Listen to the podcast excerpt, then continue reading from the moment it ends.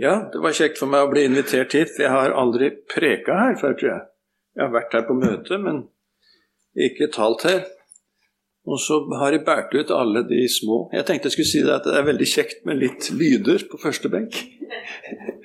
Eh, for det er vi vant til utenfra. Eh, eh, teksten for dagen i, i dag er det domssøndag. Og teksten for dagen den finner vi i Matteus 25, og vi leser den før vi ber sammen. Jeg leser fra Bibelselskapet sin uh, oversettelse. Men når menneskesønnen kommer i sin herlighet, og alle englene med ham, da skal han sitte på sin trone i herlighet, og alle folkeslag skal samles foran ham.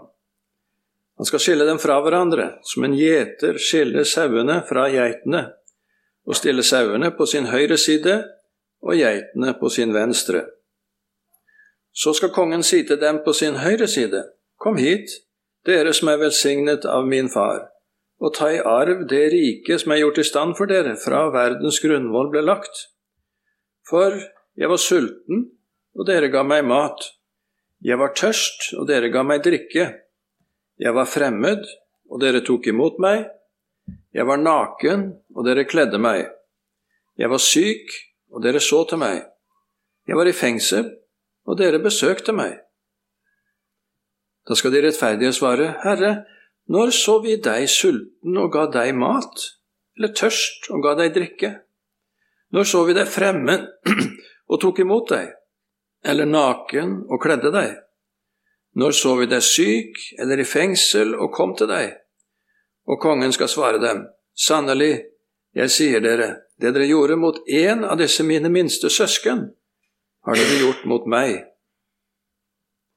Så skal han si til dem på venstre side, Gå bort fra meg, dere som er forbannet, til den evige ild som er gjort i stand for djevelen og englene hans. For jeg var sulten, dere ga meg ikke mat. Jeg var tørst, og dere ga meg ikke drikke. Jeg var fremmed, og dere tok ikke imot meg. Jeg var naken, og dere kledde meg ikke. Jeg var syk, i fengsel, og dere så ikke til meg. Da, skal de svare, Herre, når så vi deg sulten eller tørst eller fremmed eller naken eller syk eller i fengsel uten å komme deg til hjelp?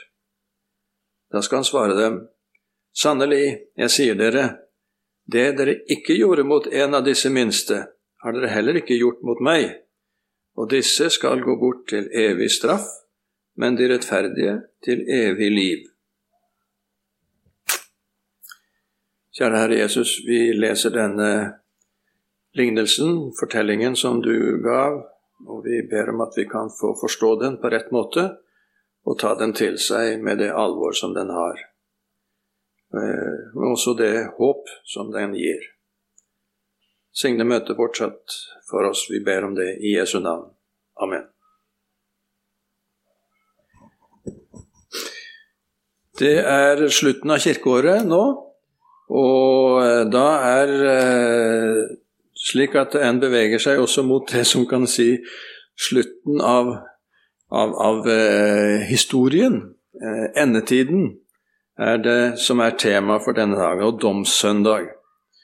Og denne teksten i Matteus vet vi, den avslutter en lengre undervisning som Jesus hadde om de siste ting og tider, i kapittel 24 og 25 hos Matteus. Rett før vår tekst så er det jo lignelsen om brudepikene. De som noen hadde var ferdige og forberedt på å vente på brudgommen når, de, når han drøyde litt, og andre som ikke var det. Så det sier noe om å være rede og, og være utholdende i ventetida. Og så er det en lignelse om talentene. At en, mens, mens Herren er ute, og mens vi venter, så skal vi bruke de midler og de muligheter og evner vi har i hans tjeneste, på en, på en uh, god måte. Så, så, det er et, et, ledd i undervisning. Hva skjer mot de siste ting? Og det som Jesus da vil eh, legge disiplene og tilhørerne som var der den gang da, det er det kommer en dommens dag. Hvordan vil det arte seg? Det første vi ser her, er at eh, Jesus bruker en språkbruk som eh, for oss virker litt fremmed.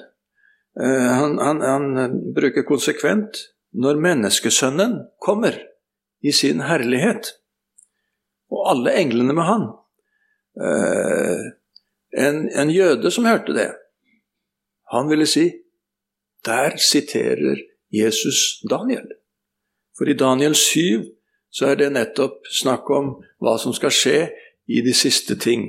Daniel får det i en profeti. Siste ting og tider. Eh, og da står det at en som er lik en menneskesønn, skal komme på himmelens skyer. Og alle englene med han, og han skal komme i herlighet, omgitt av den samme herlighet som vi møter f.eks. i Jesaja 6, Guds herlighet. Altså Herligheten, det er den, den glans, den lysglans som omgir Gud. Så det er en, en annen måte å uttrykke på at uh, Du kan si uh, på jord så var menneskesønnen, når Jesus omtalte det, han ble ikke gjenkjent for den han var. Men når han kommer tilbake igjen, så skal han komme med alt det som hører til den majestetiske glans og herlighet. Uh, og han skal sitte på sin trone i herlighet. Eh, vi har det på sett og vis sånn også, kanskje ikke så veldig mye, men har du sett det at eh, f.eks. president eh, Biden hver gang han skal komme med en skikkelig erklæring, så har han en rekke med rådgivere bak seg.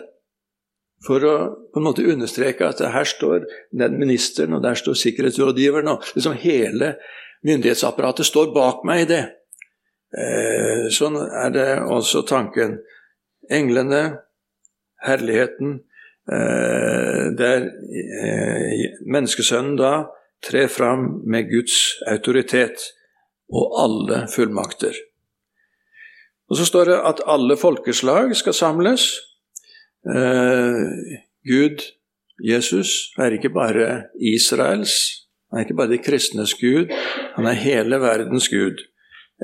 Og det er noe som er selvfølgelig for oss, men for mange andre Eh, de sier at ja, det er greit nok for deg, men vi er under andre makter og autoriteter. Bibelen lærer oss det at eh, når eh, dommens dag kommer, da skal alle, alle generasjoner, alle folkeslag, hele verden skal gjøre regnskap. Og han skal skille de ulike fra hverandre, og det skal ikke være vanskelig for han, på samme måte som vi ser godt forskjell på geiter og sauer.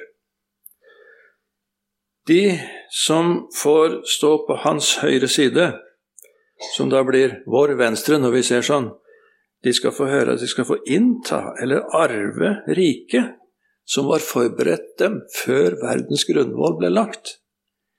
Det skal vi ta med oss. Fordi hvis en spør hva er Guds plan og intensjon, hva er Guds innerste mening? Jo, det han har skapt en, en, verden, og han ser for seg en evighet sammen med mennesker. Det er det som er eh, Hvis vi spør hva, hva er meningen med livet? Jo, det er at vi alle skal bli frelst for å komme og være evig i lag med, med Gud og Jesus i himmelen. Eh, det ligger han er forberedt fra før verdens grunnvoll ble lagt. Så det var noe Gud hadde i tanken til og med før han skapte verden. Så kan du si at noen syns at det, vi ser ikke noe til det enda, og det leser vi også i Petersbrevet. Men Gud drøyer, står det i 1. Peter 4, for han vil gjerne at den som ikke har tatt poenget enda, må omvende seg. Så han holder igjen for at så mange skal bli frelst. Og de som da får det uttalt at de er de velsignede, det er de som kjenner Jesus, har tatt imot han, og, og, og, lever eh, et liv i tro og tillit til Han. Og det livet det har arta seg sånn at de eh, lever i tjeneste for medmennesker. De har møtt ulike personer, og i den personen så har de sett et medmenneske. De har sett eh, Jesus i det og ønsker å gjøre godt. Og Vi leser hvordan de har både gitt mat og drikke, vært gjestfrie, gitt klær, stelt i sykdom og besøkt i fengsel. eh, uten at de har tenkt på at dette her er noe jeg må gjøre, eller noe jeg skal gjøre for å fortjene evigheten. Det har vært en, en naturlig konsekvens av det Jesuslivet som lever inni de. Så jo ender Jesus seg mot de som er på hans venstre. Eh, og de får høre et helt annet budskap. De er forbannet, står det. Det er et tungt uttrykk på norsk. Eh, de blir ramma av et, et forferdelig hendelsesforløp som utfolder seg, for de blir henvist til en plass som ikke var forberedt for dem, men som de sjøl har, har, eh, stelt seg slik at de må, må der. For ilden, står det i teksten vår, den var forberedt djevelen og hans engler, som i sin tid gjorde et opprør mot Gud. Og så er da altså de menneskene som ikke vil vite av Jesus, avviser han, de slutter seg på sett og vis til det opprøret. og må dele skjebne med den onde. Eh, for de møtte også Jesus i ulike situasjoner. Eh, I, i andre mennesker, men så verken han i de, eller hvem andre det måtte være. Fordi de avviste. Når de sier at vi er helt uforstående, skjønner ikke hva du mener her, for når så vi deg? Som om de hadde venta at eh, kong Jesus, hvis vi skal kalle det det, sto fram i full uniform eller lett gjenkjennelig. Klart, Da ville alle springe og gjøre et eller annet. Men Jesus sier til de, eh, 'Jeg var der gjennom mine utsendte'. Disse mine minste. Så, så eh, Før vi går fra hverandre, så må vi få klarhet over hvem er disse mine minste i Matteus 25. For det er på en måte nøkkelen til å forstå hele teksten vår. De har vært representanter for kongen og mottagelse og, og, og en, en, en, en aksept eller avvisning av disse. Det er det samme som å akseptere eller avvise kongen selv. Så ser vi også her, og vi skal ta med oss det også, straffen eh, er ikke utdypa. Det står bare en evig straff, den blir ikke forklart nærmere. Men det som står veldig klart, er at livet har to utganger. Det må vi aldri eh, være uklare om eller eh, nølende med å peke på. Hva straffen består i, skal vi være tilbakeholdne, for det har ikke blitt åpenbart klart. Men at det er to utganger, evig liv og evig straff. Så kan vi spørre eh, hvem er da disse mine minste? Nå eh, kjenner vi sikkert til at eh, denne teksten har veldig ofte blitt benytta opp igjennom til å si at det er nødlidende mennesker i sin alminnelighet. Eh, nødlidende mennesker i sin alminnelighet. Eh, det er en tolkning som har mye av Bibelen med seg. Fordi er det noe som er klart både i Det gamle og Det nye testamentet, så er det at eh, vi må ha syn for den fattige og nødlidende. Jeg, kunne, jeg har skrevet på blokka mi her både i andre Mosebok og hos Amos og Esaia og Esekiel kunne jeg sitert, men la meg bare ta med noen fra ordspråkene. Det er 14, eh, 19 og 22.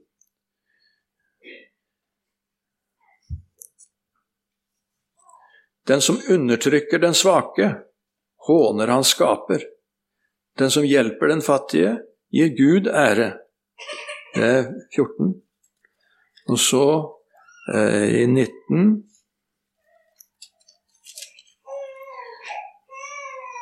Den som hjelper den fattige, låner til Herren, som vil lønne ham for det han har gjort. Og i 22 Den som har øye for å gjøre godt, blir velsignet, for han deler sitt brød med den fattige. Det er bare eh, En ser der hvor, hvordan eh, Bibelen fra eh, første til siste perm på en måte ser og, og legger en, en, en eh, plikt på oss at vi, vi, må se til de som er fattige og ikke er, har så mye å stelle med som oss selv. Vi må dele det vi har. Og Jesus selv, vet de, han var tolleres og synderes venn. Han innbød den som strevde og hadde tunge byrder, og han løftet opp den kjærligheten til Gud på en ny og radikal måte. Elsk de neste som deg selv. Sånn så, eh, I det som Jesus sier her, så ligger det en, en veldig oppfordring til å, å, å, se de rundt oss som trenger hjelp. Se de rundt oss som trenger hjelp. Eh, men da jeg var på gymnaset, så var jeg utvekslingsstudent i USA et år. Og den jeg ble utveksla til en, ikke en luthersk menighet, men av et annet kirkesamfunn. Han som var ungdomspastor der, han var veldig inne i det de kalte da sekulariseringsteologi. Eh, hvor, hvor, de mener at Bibelen er full av religiøst språk. Eh, men, men, men eh, det beskriver Det er bare symboler for å beskrive en mellommenneskelig relasjon. Sånn så Gud er ikke en størrelse en eller annen plass. Gud representerer bare noe som vi setter høyt, og, og er medmenneske og vår mellommenneskelige forhold. Sånn så vi dyrker Gud når vi på en måte gjør godt imot våre medmennesker. Når han ba, sa han, så bare mediterte han. Han, han. han, hadde ikke kommunikasjon med noe utenom seg. Så det var en type tenkning som da ville bare si det at i den grad jeg åpner meg for mitt medmenneske, så så, så er jeg en, en, en, Det er en dypt religiøs eh, erfaring. Han var ganske god på det. Men, men eh, det var jo utrolig eh, fattig, liksom. Det kom fort til kort. Men det, det, er et veldig betydelig synspunkt. Og for dere som er like gamle som meg, så kan jeg kanskje eh, huske at det var en del som hevda det. Men det brente ut. Fordi det viser seg det er ikke bærekraft i det. Vi, vi, vi, eh, vi, må si noe mer enn det. Og da er det at eh, vi må nøye lese Matteus her. Fordi når, han, eh, når, Jesus snakker som han gjør, eh, og Matteus gjengir det som han gjør, så er det i en sammenheng. Og folk som er klokere enn meg, eh, det er broren til Jon Kvalbein, da, det er jo Hans Kvalbein, som nå er død, han var professor på MF, han sier at ordet 'brødre' i Matteusevangeliet her, det peker entydig i retning av at de minste, det er Jesu disipler. Hans etterfølgere på jord. Og det er sånn at eh, Matteus 10 foregriper Matteus 25. I Matteus 10 så sendte Jesus ut disiplene med budskapet om at himmelriket er kommet nær. Og i den grad folk tok imot det, eh, så, så ble det jo disipler. Og Jesus sa de som tar imot dere, tar imot meg.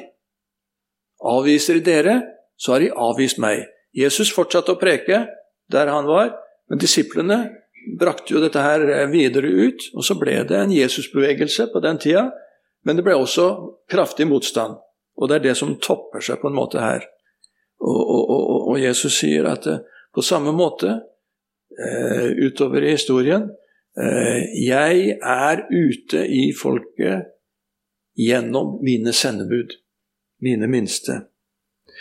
Eh, akkurat som disiplene fikk en fullmakt i kapittel 10, så har vi fått en fullmakt i misjonsbefalingen. Eh, og, og, og eh, da, da, må vi tenke oss at eh, konteksten her, det er ikke en majoritetskirke sånn som vi møter det nå i dag, men heller i, en, i den første kristne tid, hvor mange måtte bøte med livet. Martyriet lå de veldig nær. Motstanden var så sterk. Sånn som Jesus sa Dere møtte kristen forkynnelse, dere var, avviste det, ville ikke ha noe av det. Eh, men det var der ordet kom til dere. Så sånn, eh, bør vi tenke om, omkring det. Og Da leder det tanken på det som vi er vant til å snakke om ut ifra andre kor 520, hvor det står at vi er utsendinger i Kristi sted for å bære evangeliet videre. Og noen oversettelser bruker jo ordet 'ambassador' der. Det er utrolig spennende å tenke på. Eh, hver og en er vi ute i verden en ambassador for Christ. Eh, eh, jeg var i Kenya i 1990, da Norge brøt diplomatiske forbindelser. Noe av det som skjedde, det var mange ting da, noe av det som skjedde var at UD i Norge instruerte den norske ambassadøren om å møte opp i en rettssal. Ambassadøren sa det sømmer seg ikke. Det sømmer seg ikke. Fordi en ambassadør han bør bare møte eh, presidenten eller visepresidenten og sånn. Og så er det ambassadesekretæren eller en eh, førstesekretær som tar sånne lavere jobber. Men, men, så ble han instruert, da. Og så eh, knøt det seg helt. Fordi eh, ambassadøren i sin person, han representerte Norge. Og Norge på det i, den, i, den, uh, i det oppdraget der hadde uh, gjort noe som, som, var dypt skal jeg si, uærbødig, uh, upassende overfor Kenya. Og de brøt for, forbindelsene. Det du gjør mot en ambassadør, det gjør du mot den som sendte ambassadøren. Dette var de kjent med, også jødene. Husker dere fortellingen i 2. Samuels bok 10? David er blitt konge, og så har han lyst til å pleie forholdet til naboene sine. Så er det en, en, en, en konge i Jordan som da eh, mister eh, en, eh, Det er en begravelse der, så han sender noen sendemenn dit. Og så tror de ikke at det kan være tilfellet at det bare David ønsker å kondolere og sånn. De sier de er sikkert spioner. Så de tar i seg sida, og så skjærer de av de halve skjegget og skjærer av de halve klærne helt ned til rumpa, står det. Og så sendte de hjem igjen. Og, og David sier at dere får ikke lov til å, dere må være i Jeriko til skjegget har grodd ut igjen. de fikk nok nye kjortler, så ikke rumpa syns lenger. Men altså, skjegget Dere kan tenke deg. Så det var det, det du gjør mot sendemennene, det gjør du mot David i det tidspunktet. Og det gjorde at eh, det var ikke så godt forhold mellom de. Andre Samuel bok 10. Det er en ganske kostelig fortelling. Men eh, dette her er ikke bare snakk om å, å, fornærme, det har med vår evige eh, skjebne å gjøre. Og Da syns jeg det er fint å, å, å, lese denne teksten vår inn i det litt større som gjelder endetiden. Eh, når jeg var ute, så hadde jeg da noen timer om det for disse på denne eh, bibelskolen.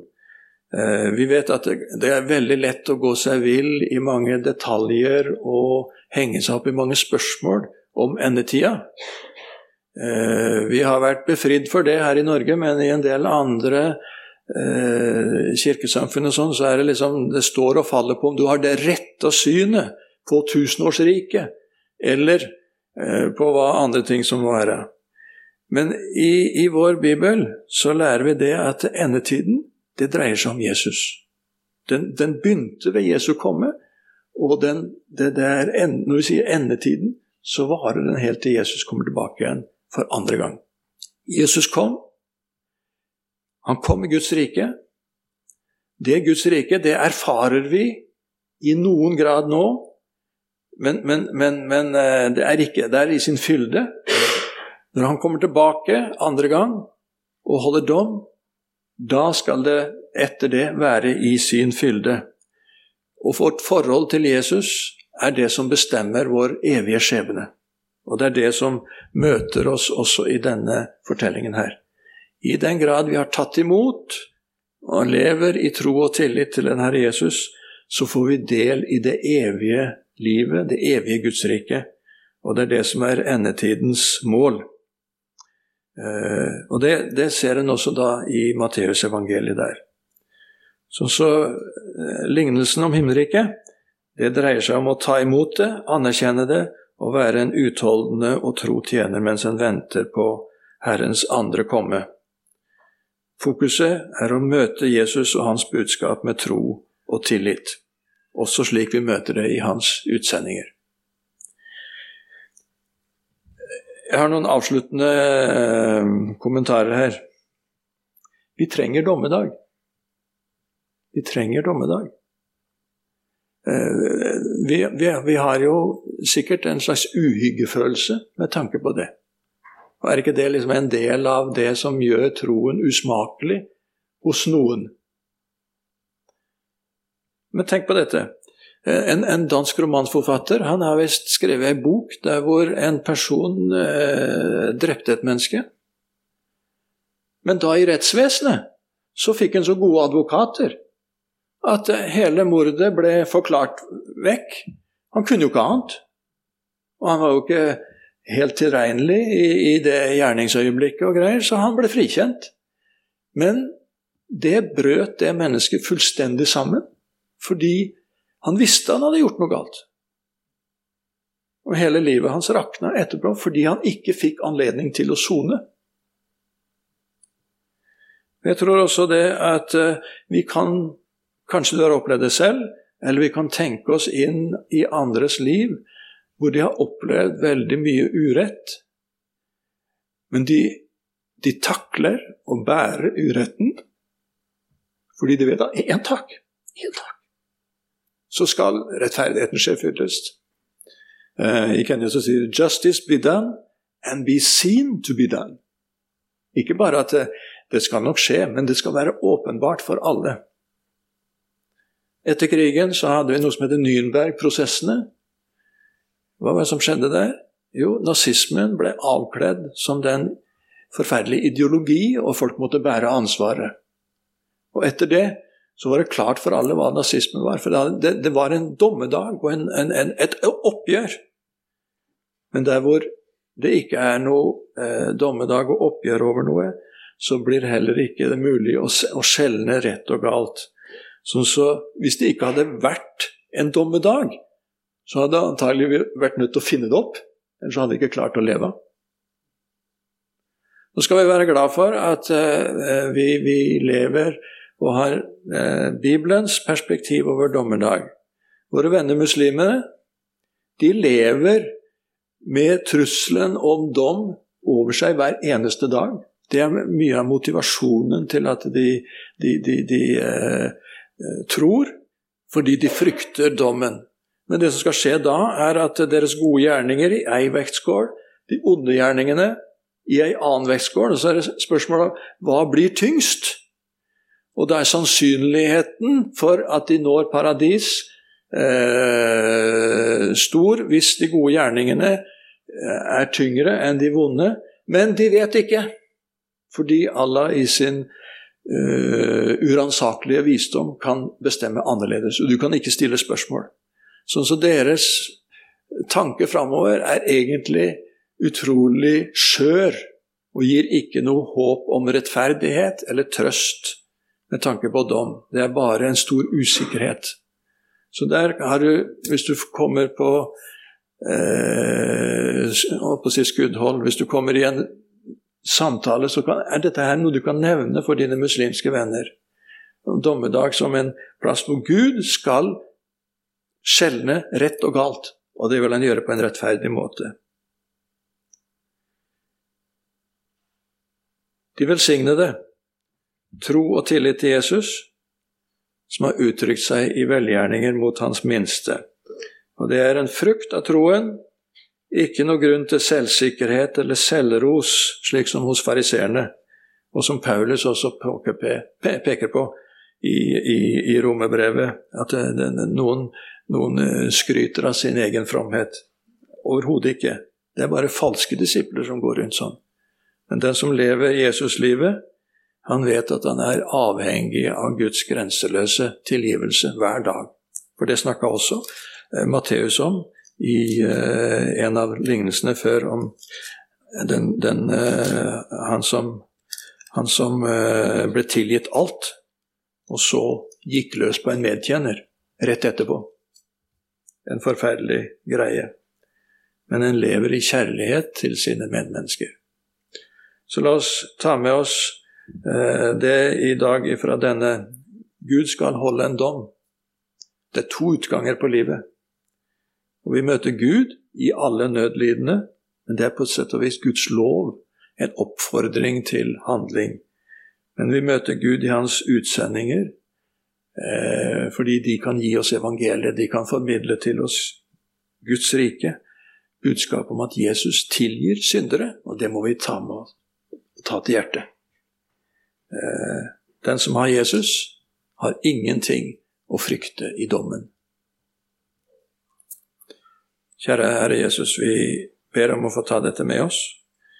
Og så kan vi eh, se framover, ikke som selvtilfredse, men som de som ber om at vi må få i all ydmykhet få leve slik at du kan eh, og til, tilsi oss eh, arven og riket som er forberedt ifra før verdens skapelse.